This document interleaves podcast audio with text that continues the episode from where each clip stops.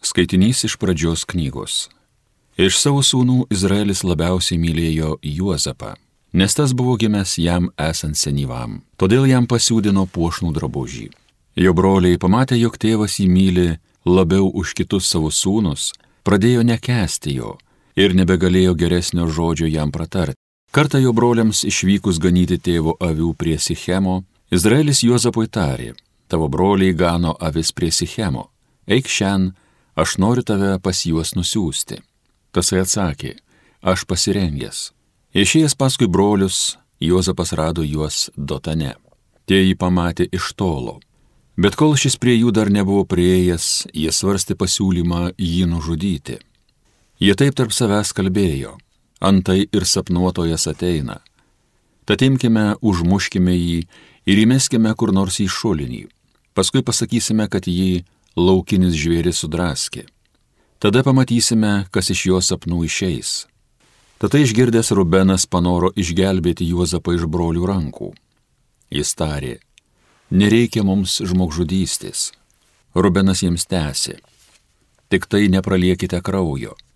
Įmeskite jį čia stepėje į šulinį, o rankos prieš jį nekelkite. Matys norėjo išgelbėti Juozapą iš brolių rankų ir sugražinti tėvui. Prieėjus Juozapui prie brolių, šie jam nuplėšė drabužius, tą puošno į rūbą, kurį jis vilkėjo, sugriebė jį ir įstumė į tuščią išsekusi šulinį. Paskui jie susėdo užkasti. Pakėlė akis, jie pamatė tiesiai betraukiantį Izmailitų karavaną iš Gileado. Jų kupranugariai buvo apkrauti traganto, balzamu ir mira. Jie vyko Egiptan. Judas broliams pasiūlė, kokia mums nauda iš to, jei mes savo brolį užmuštume ir jo kraują nuslėptume. Verčiau jį parduokime Izmaelitams. O rankos prieš jį nepakelkime, vis dėlto jis mūsų brolis, mesgi visi vieno kraujo. Jo broliai sutiko. Midianitų pirkliams pražygiuojant jie ištraukė Juozapą iš šulinio ir pardavė Izmaelitams už 20 sidabrinių. Tie nugabeno Juozapą į Egiptą. Tai Dievo žodis.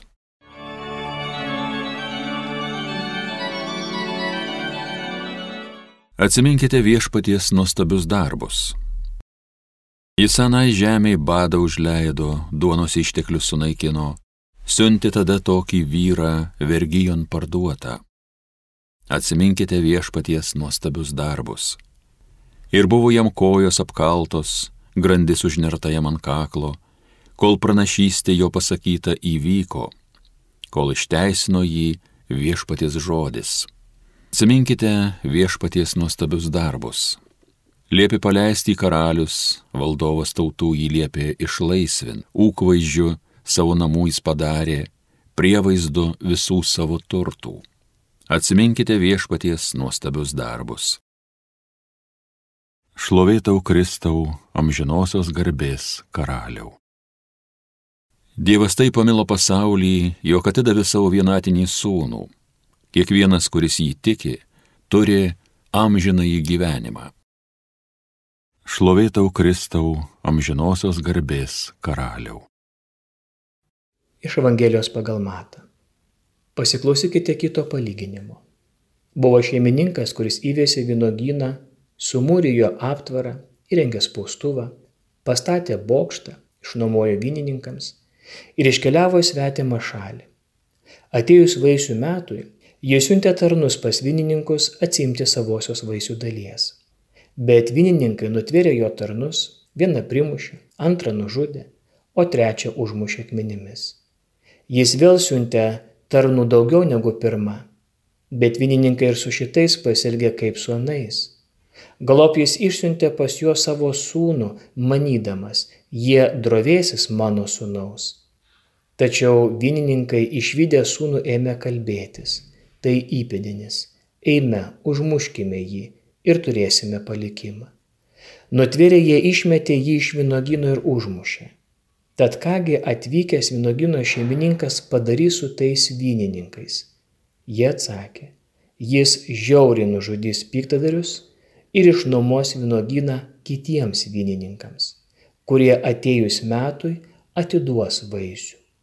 Tuomet Jėzus tarė, Ar niekada nesate skaitę raštuose? Akmuo, kurį statytojai atmetė, tapo kertiniu akmeniu. Tai viešpatės padaryta ir mūsų akims tai nuostaba kelia. Todėl sakau jums, Dievo karalystė bus iš jūsų atimta ir atiduota tautai, kuri duos vaisių. Išgirdę palyginimus, vyresnėji kunigai ir fariziejai suprato, kad Jėzus kalba apie juos. Jie stengiasi jį suimti, tačiau bijojo žmonių, nes tie laikė Jėzų pranašu.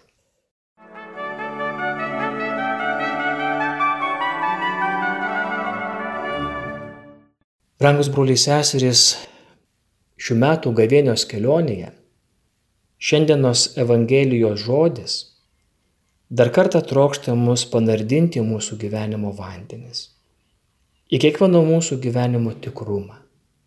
Evangelijos eilutės savyje talpina labai daugybę klausimų, priminimų, padrasinimų, perspėjimų. Šiandien, kada švenčiame gavėnę ypatingai neramiame pasaulyje. Kai matome šiandieną karo šmėklą esančią kaimynų valstybėje, kai savo namų duris atveriame karo pabėgėliams, kai iš karo pabėgusiems vaikams bandome sukurti ramybės ir vaikystės džiaugsmo erdves, kai susitelkiame darydami gerą dėl bendrojo gėrio, Visa tai yra mūsų šiandienos tarnystė, žvelgiant į evangelinę išmintį. Nes visą tai, ką šiandien mes patiriame, ką matome, byloja apie tai, kokiai pagundai labai dažnai žmogus pasiduoda. O ta pagunda - tai savyje juntamas troškimas viešpatauti. Tikiu, kad tai yra gimtosios nuodėmės pasiekmė esanti mumise - troškimas viešpatauti būti visa ko šeimininku, prieš nieką neatskaitingu, elgtis taip, kaip noriu, tarsi viskas būtų mano nusavybė. Ir yra žmonių, kurie tuo patikėję, puikiai matome, kaip elgesi. Jie prisiema atsakomybę, kada ir kam gimti ir kaip gimti. Jie nori vadovauti, nesupranto, kad ir mirtis yra jų nusavybė kada ir kaip, kur ir dėl ko numirti. Sugebame išsaugoti gležną gyvybę ir tuo pačiu sukuriam moderniomis technologijomis savižudybės kapsulę. Keista. Troškimas viešpatauti ir joje esanti puikybė laikyti viską savo nusavybę įsiterpia tarp tokių kraštutinumų - išgelbėti gležną gyvybę ir pasiūlyti savižudybės kapsulę. Keista. Visi bandymai sukurti žemėje kažką, ką šiandieno žmonės pavadintų rojų, kuriame visi būtų lygus, laimingi, sotus, bet be Dievo, ir baigėsi labai prastai, ir parodo didelę žmogaus puikybės ir arogancijos pasiekme. Tarojaus pasaka tampa realybės pragaru, o tai yra vieta, kuria iš tikrųjų nėra Dievo. Sukurti gyvenimą be Dievo, teisingumą be Dievo, laimę be Dievo, sotumo be Dievo baigėsi labai prastai. Ta pasaka tampa realybės pragaru. O jei, dievas, ne, o jei Dievo nėra, tai viskas galima. Kažkada pasakyti vieno rašytojo žodžiai. Dėl žmogaus pastangos daryti gerą be Dievą ilgainiui tampa blogio šaknimis. Žmonės mes esame sužeisti, riboti. Dažnai mūsų supratimas, kas yra gera ir kas bloga, yra iškreiptas. Šiandienos Evangelija tampa puikia prauga mums dar kartą pažvelgti ir patikrinti save tame kvietime nesupasaulėkite. Ar mano požiūris į pasaulį kaip tikinčio žmogaus nesupasaulėjo? Požiūris į kitą žmogų požiūris į gyvybę, net požiūris į pačią mirtį, į gyvenimą su Dievu ar gyvenimą be Dievo, turėjimą ir tarnystę, vadovavimą ir patarnavimą, valdymą ir savęs dovanojimą, nesupasaulėkite. Nes pasaulio tironai buvo vieni iš tų, kurie mane, kad elgėsi teisingai ir nepripažino, kad darė kažką blogo. ir šiandieną esantis karas netoli mūsų paliūdija, kuo pavirsta tikrovė žmogui įtikėjusiam esančių pasaulio mesijų.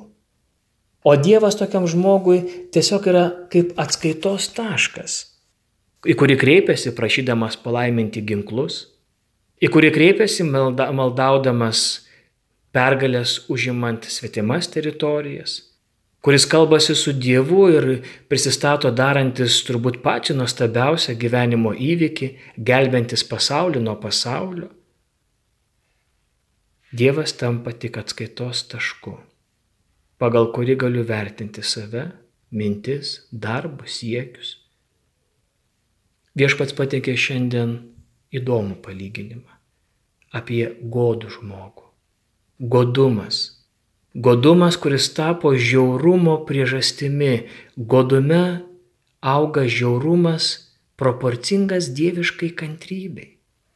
Palyginimas atspindi labai gilę realybę. Viešpas Dievas siunčia pranašus, tačiau žmonės neklauso jų perspėjančių žodžių. Godumas, arogancija, supratimas, kad aš esu viso ko šeimininkas, visuomet padaro mane kurčia ir Dievui, ir pranašams. Belieka tik tai atmesti ir pasišiepti, lieka tik tai nužudyti ir atstumti. Vinogino šeimininko sūnaus nužudimas mums priminimas, kas laukia paties išganytojo. Viešpats perspėja mus, kad tie, kurie užmiršome, kad esame tik vienogino nuomininkai, o panorome tapti šeimininkais, reiškia, kad patikėjome, jog išganimas jau priklauso mums, kad turime viską, ko reikia išganimui, kad net ir stengtis nebeverta.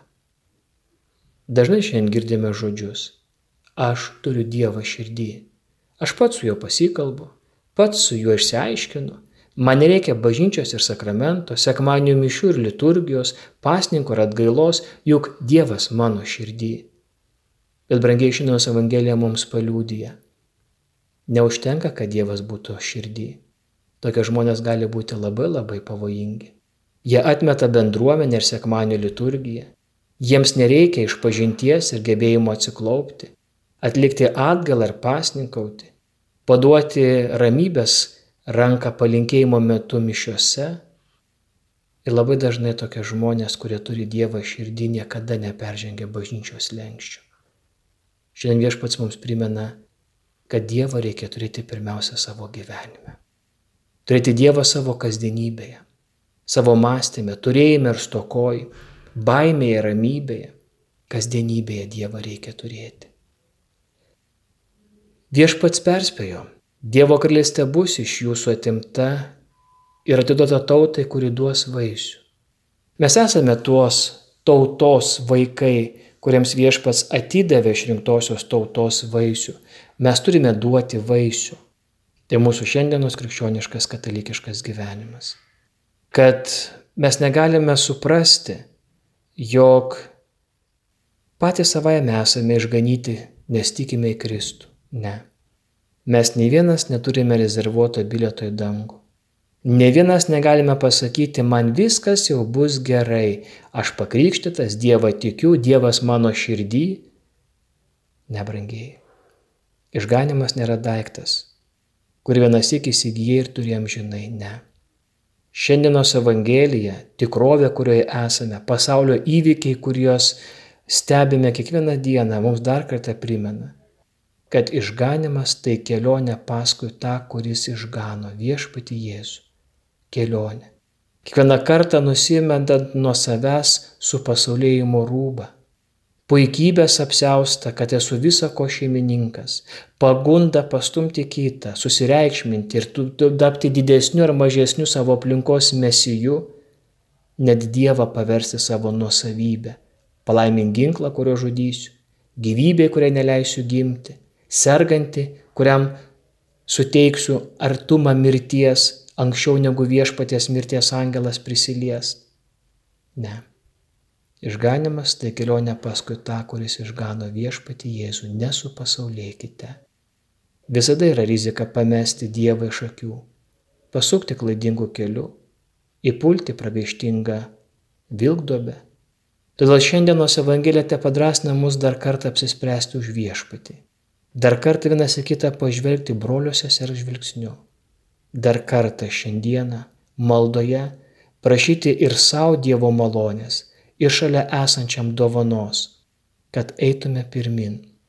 Kaip patarė paštalas Paulius, kad kas tarėsi stovys, ten žiūri, kad nepultų. Kad šios gavėnios kelias mums būtų vaisingas takas į Velykų rytą.